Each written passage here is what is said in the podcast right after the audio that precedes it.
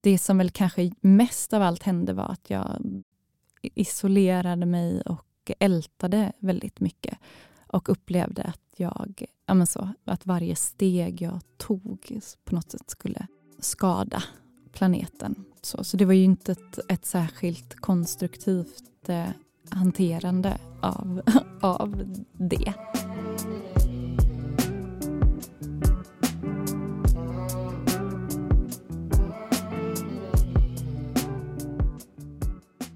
Välkomna till Malmö Darlings, en podd om en speciell stad och människorna som gör den speciell. Med mig Jonas Gillberg. Med mig Miriam Olsson Jeffrey. Och med mig Sally Wahlstedt. Idag ska vi träffa en person som man kan säga har gett yrkestiteln klimatpsykolog ett ansikte. Vem är det Sally? Det är Frida Hylander. Klimatpsykolog. Ja, det är ju allt fler som har klimatångest i samhället så jag kan ju ana vad det, vad det innebär. Men vad är en klimatpsykolog, Sally?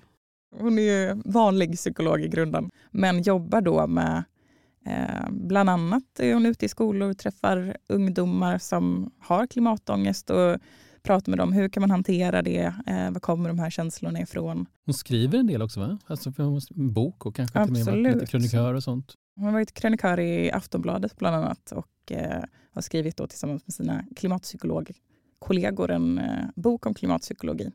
Hur kom du i kontakt med henne? Ja, jag kom i kontakt med henne. Man kan väl delvis säga att det, grunden i det är ju egentligen min egen klimatångest.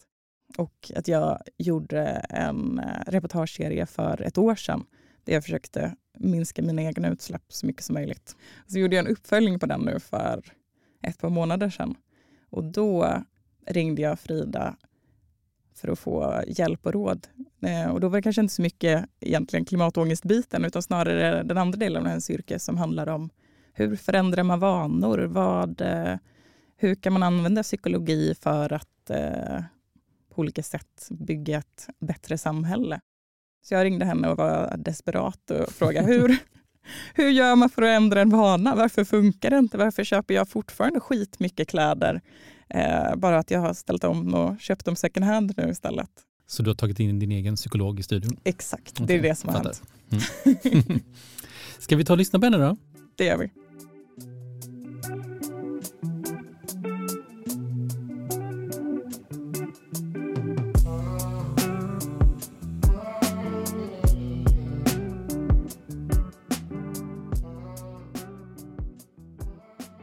Frida Hylander, du är klimatpsykolog. Jag funderar på hur många gånger eh, har du behövt svara på vad är det egentligen? Precis, om jag hade en krona för varje gång. Eh, ja, nej men, jag är eh, legitimerad psykolog, liksom helt vanlig psykolog från början utbildad på psykologprogrammet här i Lund. Ehm, och så har jag också en utbildning i humanekologi eh, som är ett tvärvetenskapligt fält som, som kan man säga, studerar människans interaktion med ekosystemen. Så det är liksom den eh, liksom universitetsutbildning som jag har. Eh, och jag har jobbat som, och jobbar fortfarande som, vanlig liksom klinisk psykolog och jobbat mycket med eh, individualterapier och sådär. Eh, men liksom klimatpsykolog är, kan man säga, en psykolog som då jobbar med liksom inom klimat och miljöfältet. Så vi jobbar med alla psykologiska aspekter av klimat och miljöfrågorna. Så det som har att göra med eh, vad som påverkar vårt beteende, vad som gör att vi agerar eller inte agerar. Eh, både kan man säga på individnivå men också mer på så organisatorisk nivå och samhällelig nivå. Jag, tänker, jag ringde upp dig här innan mm. Eh, jul någon gång och ville ha hjälp när jag skrev ett reportage där jag försökte minska mitt eget utsläpp och ville ha råd och liksom, någon sorts förklaring till varför vissa vanor är mm. svårare att bryta än andra. Mm. Och det är ju en del av det du mm. gör i ditt jobb, tänker ja. jag. Att, eh, du kommer med förklaringar när sådana som jag ringer upp ja. och undrar olika saker. Ja. Men hur ser en vanlig dag ut annars? Finns Oj. det några vanliga dagar? Ja, finns det några vanliga dagar? Jo, men, just, just nu så ser mina dagar eh, ganska mycket ut så att eh, jag eh, jobbar halvtid i ett, ett projekt som vi, då, jag och mina kollegor på Klimatpsykologerna driver tillsammans med Folkuniversitetet. Ett arvsfondsfinansierat projekt där vi eh, jobbar med att stötta unga med klimatångest eller klimatkänslor. Eh, och då är vi ute mycket i olika skolor och träffar unga och eh, berättar om klimatkänslor och hur man olika liksom, sätt man kan ta hand om sina känslor på men också olika sätt som man kan eh, bli bättre på att eh, göra saker tillsammans för att liksom, påverka klimatarbetet.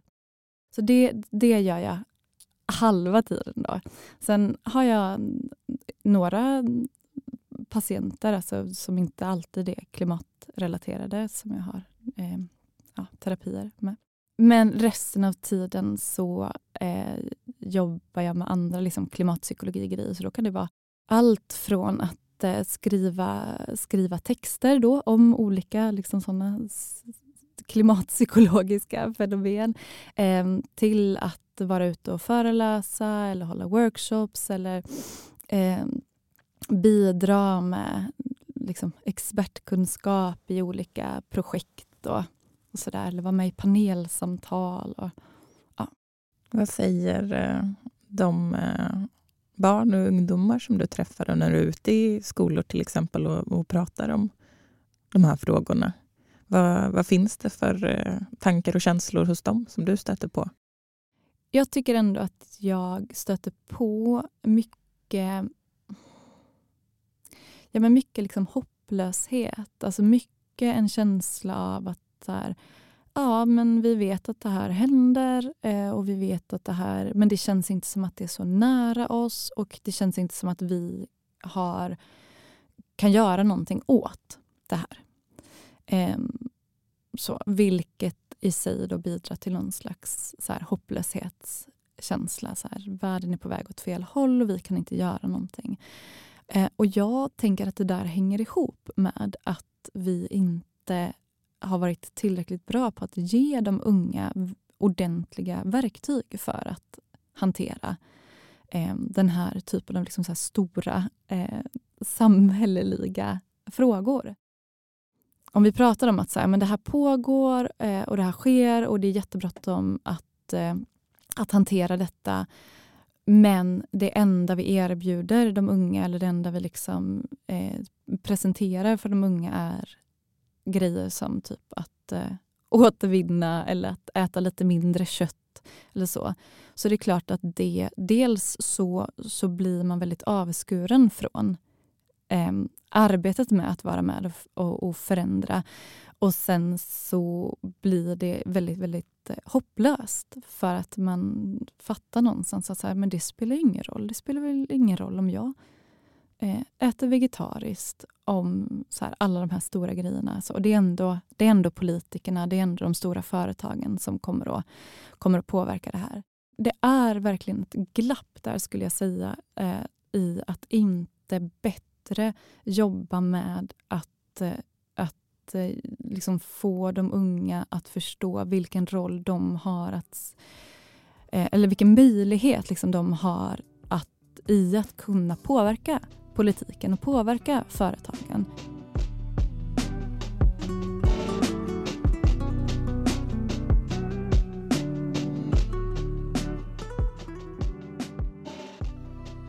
Men om vi ska ta oss tillbaka till eh, någon sorts eh, startpunkt, mm. om det finns någon sån. För för dig det var då psykologyrket som, som kom först. Mm. Mm. Hur visste du att eh, det var någonting som var intressant för dig? Ja, men det visste jag nog inte. Jag var, det, var väldigt, det var inte alls jättesjälvklart att jag skulle bli psykolog och från början så hade inte jag jättemycket eh, önskan om att här, bli psykolog för att hjälpa andra utan jag hade nog väldigt mycket eh, liksom från tonåren, så här, ja, eh, jag måste förstå mig själv. Jag måste förstå varför jag har alla de här existentiella funderingarna. Eh, så. så det var väl kanske min, eh, den stora anledningen från början. Och jag var inte alls säker på... jag var också ganska ung när jag började plugga till psykolog. Jag tror jag var bara, eh, att jag var 20 år. Eh, så att det var, det var inte helt självklart för mig när jag började att, så här, att jag skulle vilja jobba som psykolog eller vilja jobba liksom, kliniskt. eller Så, där. Ehm, så det växte väl fram tror jag, under psykolog. Jag trivdes ehm, jag trivdes väldigt bra på psykologprogrammet och jag var väldigt frustrerad när jag gick på psykologprogrammet på samma gång. Um, så, det, ja, så det kom först. Uh, och då hade jag ingen, ingen koll på uh, klimatfrågan. Mm. I princip. Vad, ja. mm. Vad var det för frustration du hade då? Ja, men en, eh, och frustration den kom väl lite senare. för att jag började, och Det var också en slump att jag började läsa humanekologi. Det var egentligen för att jag tog, jag tog ett uppehåll. Eller, ja, precis, jag tog två uppehåll under psykologprogrammet. Men mitt första uppehåll, eh, då var jag ute och, eh, och reste. Eh, och då är det inte då är man inte om man tar uppehåll av sådana nöjesskäl så är man inte garanterad en plats tillbaka. Sen, mm. Utan då är det så här, ja, men om det finns plats så får du hoppa in.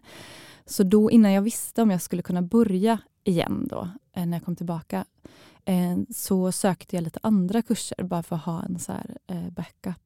Men sen kom jag in på psykologprogrammet, men då hade jag redan sökt de där andra kurserna och tänkte att ja, men då kan jag läsa dem parallellt. Hej, Ulf Kristersson här.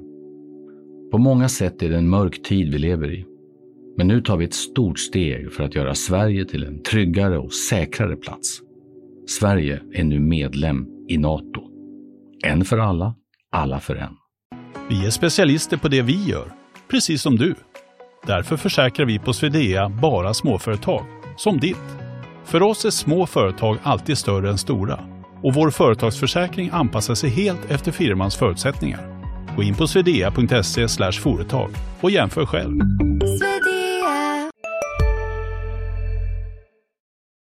Det låter ju jättetungt att läsa psykologprogrammet och samtidigt alla de här eh, extra kurserna. Ja. Eller? Alltså, det är, alltså, det är ganska, tungt i sig att läsa psykologprogrammet. Ja, alltså jag vet inte. Det är det här, nu kanske jag hoppas ingen från universitetet lyssnar, men eh, det är ganska svårt, eller ganska höga antagningspoäng på psykologprogrammet. Men det kanske inte alltid är, eh, tyckte jag, en jättehög arbetsbelastning på psykologprogrammet. Mm. Och det är inte en jättehög arbetsbelastning på sådana fristående kurser. Så, men, ja. så men, det gick? Ja, men det gick. Eh, det gick för mig. Ja, men för mig var det också så himla himla skönt att läsa andra saker än psykologi och få träffa lite andra människor än blivande psykologer för att man blir påmind om att eh, alla, alla är liksom inte inne i liksom, psykologtänket och Sådär. Men, det, men det var i alla fall utifrån det som mycket av den här frustrationen eh, skapades då. Eh, jag var liksom frustrerad på humanekologen, var frustrerad för jag tyckte att de inte hade någon koll på hur människor funkar. För där man väldigt, läser man mycket så kritisk teori och ifrågasätter systemet. Och sådär, vilket jag eh, tyckte var väldigt intressant. Eh, men man har inte så bra koll på, på liksom psykologin.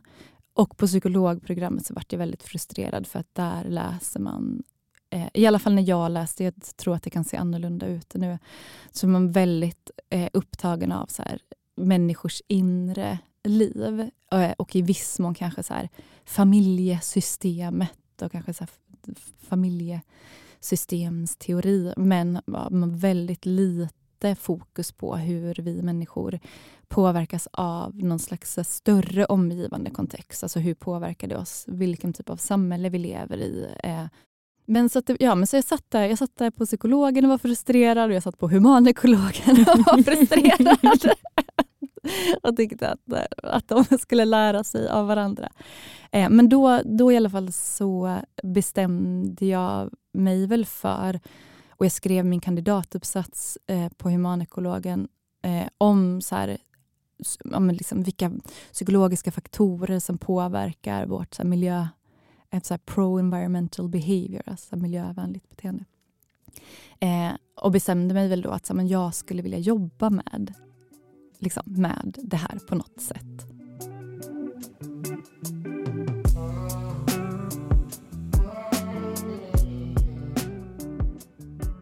Men det här eh, engagemanget i klimatfrågan och eh, för miljöfrågor, fanns det redan innan du började plugga humanekologi? Man, kan, jag vet inte, man kanske inte hamnar där om man inte har det överhuvudtaget, eller hur såg det ut för dig? Ja, men för mig var det nog eh, inte... Nej, precis. Det, det, var nog väldigt mycket min eh, sambo som fick in mig. Det var också han som fick in mig på human ekologin. Och jag kommer ihåg, för vi var, när, vi tog, när jag tog det här uppehållet så var vi i Australien eh, och reste och jobbade, gjorde ett sånt där working holiday eh, grej. Och det här var 2008. Och då vet jag att han var så här, nej men Fred, du vet att det är, så här, det är dåligt att flyga. Eh, så då bestämde vi oss för att vi skulle liksom ta tåget över hela eh, Australien och hålla på, vilket också var så himla så här, vi hade flugit dit. Och det här tåget gick liksom inte överallt så då fick vi ändå flyga. Men det var ändå någon slags eh, så här, ja, men diskussion vi hade om det där. Och där han, jag vet inte hur han hade koll på det, eh, men det hade han. Eh, och Han försökte få in mig på det. Då. Sen när vi kom hem från Australien så bestämde vi att nu ska vi sluta äta kött hemma, för det är också... Då, alltså så. så att, eh, eh, och sen så, så det var väl någon slags första insteg i det där eh, för mig. Eh, och jag var ganska motsträvig, vill inte alls lyssna på det. Men sen så var det väl verkligen när jag började läsa humanekologi. Då hade vi framförallt en kurs, eller en delkurs där på A-kursen som hade mycket klimatfokus. Eh, och där blev jag superdrabbad av klimatkrisen. Vilket jag tänker är vanligt för många, att när man läser på och förstår så kan man inte inte heller förstå att detta inte är typ det enda vi pratar om, att inte alla har panik. Minns du vad det var som sades eller vad, vad ni pratade om i det där klassrummet när du satt där och själv fick den där känslan?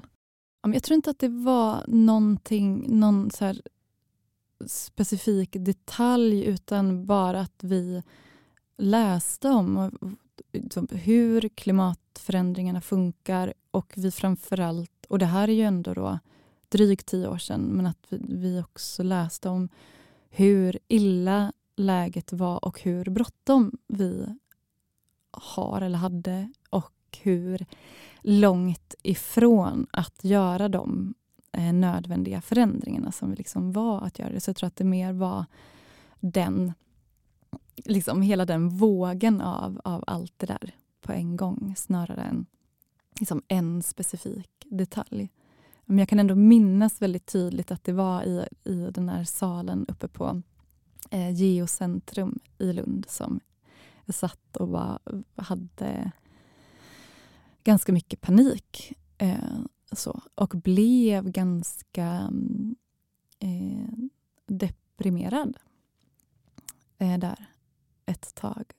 Och då var det på något sätt den här insikten om hur illa det är ställt som gjorde att du hamnade där?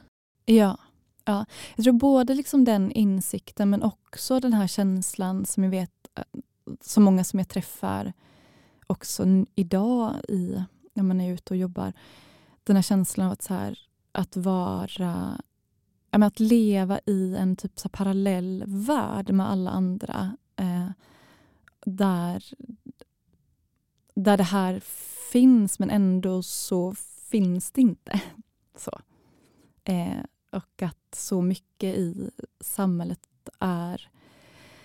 Eh, att, men att klimatfrågan och klimatkrisen är så icke-närvarande. Eh, och det är en väldigt, väldigt tung känsla. Eh, att, och ibland nästan en känsla av att vara galen. så som känner eh, ja, men galen och ensam. Liksom. Jag tänker att det är en så himla vanlig eh, sak man får höra från folk som på olika sätt är engagerade i klimatfrågan att det ofta finns det här uppvaknandet, eller vad man ska kalla Mm. det. Och sen en efterföljande period, just det här du Ja, säger, av ja. att känna sig galen eller eh, ehm, ganska ensam i de här Ja. tankarna. Ja. Men jag tänker idag så jobbar du ju med till exempel ungdomar och hur man ska hantera de här känslorna som Mm. uppstår. Men hur, eh, hur hanterade du dig själv när du var, var mitt i det? Ja, men precis. Men jag är inte så bra. jag önskar att jag hade vetat då vad jag Ja. vet nu. Ehm, nej men det, det som hände för mig då, och jag var ju inte, jag var ju typ 22 då kanske. Eh, jag, ehm, ja, men jag blev väldigt liksom, deprimerad och eh, hanterade det genom att försöka eh, göra så, så, här, så lite skada på jorden som möjligt. Så att jag hade någon så här, idé om att så här, ja, men nu får jag får inte köpa någonting, jag får inte göra någonting. Eh, men, men det som väl kanske mest av allt hände var att jag isolerade mig och ältade väldigt mycket. Och upplevde att jag, ja men så, att varje steg jag tog på något sätt skulle skada planeten. Så, så det var ju inte ett, ett särskilt konstruktivt eh, hanterande av, av det. Eh, av mitt mående eller av de känslorna som jag hade. Och kanske framför allt att jag var så himla själv. Och jag pratade säkert med, med min, min sambo, för han läste ju också eh, liksom humanekologi, han var ändå en, en eh, eh, ja, men någon som var med liksom, i det där. Men sen vet jag också att jag frågade flera av mina lärare ganska så här desperat. Jag bara, men, vad ska vi göra? Eller är det, är det kört? Ska vi ge upp? Så. Jag kommer ihåg att en av mina lärare sa, eh, vilket jag ändå har haft med mig väldigt mycket, så här, att, men, ja, men vad menar vi vad menar du med om det är kört eller inte? Det är så här, ja, för vissa är det kört. För vissa arter är det kört. Eh, för vissa människor eh, som redan har liksom dött till följd av detta så är det kört. Men det betyder inte att det är kört med allting eller att det är, eh, att det är en anledning att liksom ge upp. Det är inte, det är liksom inte antingen eller.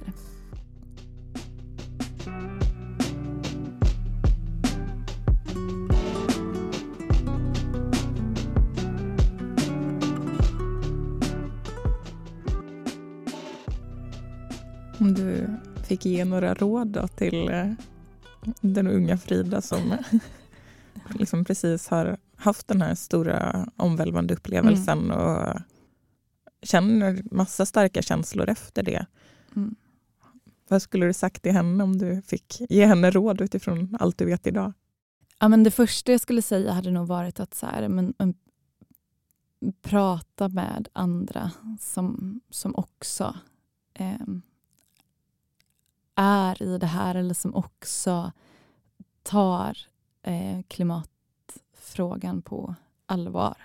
Så för att det, det är så himla viktigt att inte vara helt själv. Men det är också viktigt då att få prata med andra som, som så att säga delar, som inte är i den där andra världen där klimatfrågan liksom inte, inte är närvarande. Så där, eh, men att, att prata med andra och att få vara med andra som, eh, som också vill eh, som också på något sätt är drabbade och som vill göra någonting. Men sen skulle jag nog också säga, Frida, det är, det är nog en bra idé det här att försöka börja jobba med de här grejerna. Och att eh, liksom nyttja båda de kompetenserna. Alltså både, både så här psykologkompetensen och humanekologikompetensen. Jag tänker sen hittade du ju också personer som precis som du brinner för både psykologi och för klimatfrågan. Och nu har ni klimatpsykologerna. Ja, snart har vi jobbat ihop i fem år. Mm. Mm. Så det är ändå ett tag. Ehm, det, är, ja, det är snart halva mitt eh, psykologliv. Då. Jag vet inte, du kanske behöver svara lite mindre sällan på frågan vad, vad en klimatpsykolog gör i alla fall. Eller hur har, hur har mm, klimatpsykologin förändrats och kanske mm, in, folks kunskap om det här ämnet förändrats under den här tiden? Ja, men både och. Jag kan ändå, vi kan väl ändå se att det, att det har hänt grejer. Så ja, så ibland så är det väl verkligen så att jag inte behöver svara på frågan vad jag är klimatpsykolog. Eh, men ganska ofta, om jag ska vara ärlig, så kan jag bli eh, förvånad över att jag fortfarande behöver svara på väldigt mycket frågor som jag verkligen önskar hade varit eh, självklara, självklarheter för alla. Jag kan bli, och det, och det tycker jag väl gäller både vuxna, en del ja, men vuxna generellt, eh, ganska ofta journal, jag pratar med ganska mycket journalister eh, och ibland kan jag känna så här, men hur många gånger har jag har liksom svarat på exakt samma frågor? eh, men jag kan faktiskt också bli förvånad och lite då modfälld nu när jag är ute mycket och träffar ungdomar att, eh, att kunskapsnivån är väldigt låg och att klimatfrågan inte är... Jag skulle inte säga att den inte är en självklarhet för jag tror att dagens unga har ju så här, de har kanske inte haft det där uppvaknandet som många av oss vuxna har. Eh, men men att så här, klimatfrågan är någonting, eller klimatkrisen är någonting som bara finns där och den är en självklarhet, den har alltid funnits med. Men att man fortfarande inte har någon vettig koll på så här, men vad kan vi göra åt den? Alltså att det fortfarande är, tycker jag, ofta på nivån att vi diskuterar helt fel lösningar. Att vi fortfarande diskuterar så här, hur kan vi få folk att återvinna mer eller inte slänga skräp på marken och sånt som inte alls är i paritet med, med den krisen som vi liksom befinner oss i. Hej, Synoptik här. Hos oss får du hjälp med att ta hand om din ögonhälsa. Med vår synundersökning kan vi upptäcka både synförändringar och tecken på vanliga ögonsjukdomar. Boka tid på synoptik.se. Välkommen till Maccafé på utvalda McDonalds restauranger med Baristakaffe till rimligt pris. Vad sägs om en latte eller cappuccino för bara 35 kronor? Alltid gjorda av våra utbildade baristor.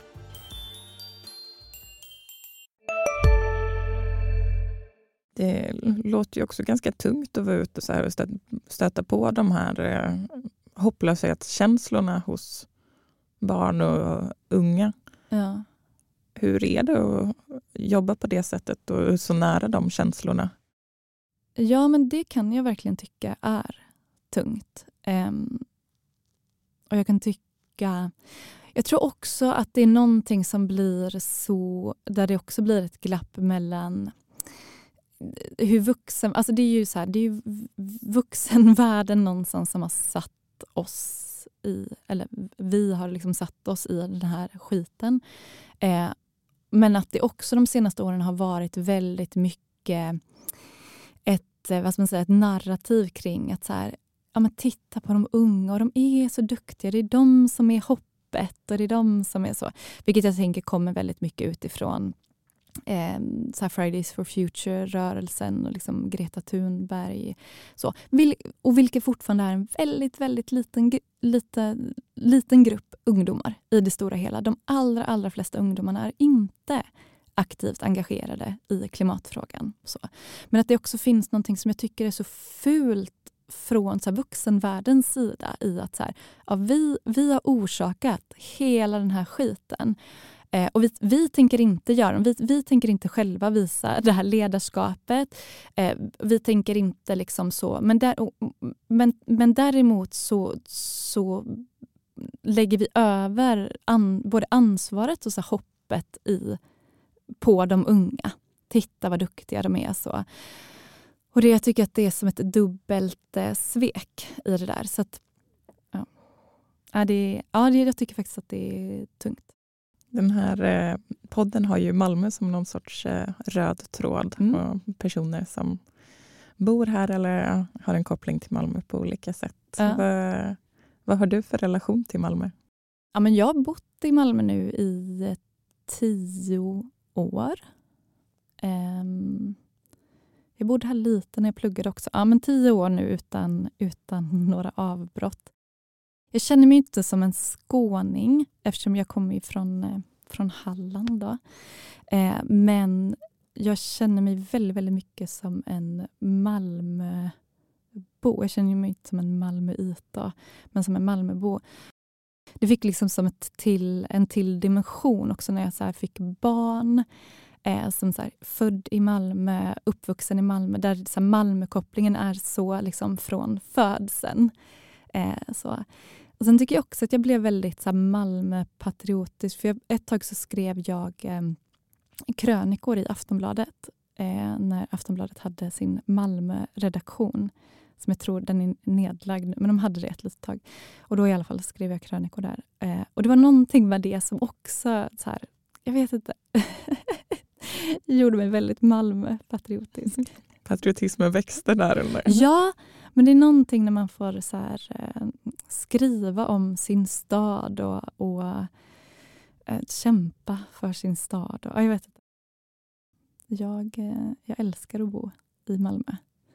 Eh, nu har jag också varit med lite så här i Malmö stads eh, klimatomställningsarbete och jag märker att jag är så att det också finns en sån privat dimension av att jag bara vill att Malmö ska bli eh, Sveriges bästa, mest eh, liksom, så grönaste stad. Jag vill att det ska vara bilfritt och grönskande överallt i Malmö och att det är fyllt av liv liksom, i, i, inne i, i centrum, eller stadskärnan.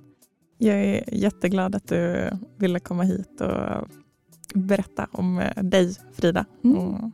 Så stort tack för det. Ja, tack för att jag fick vara med.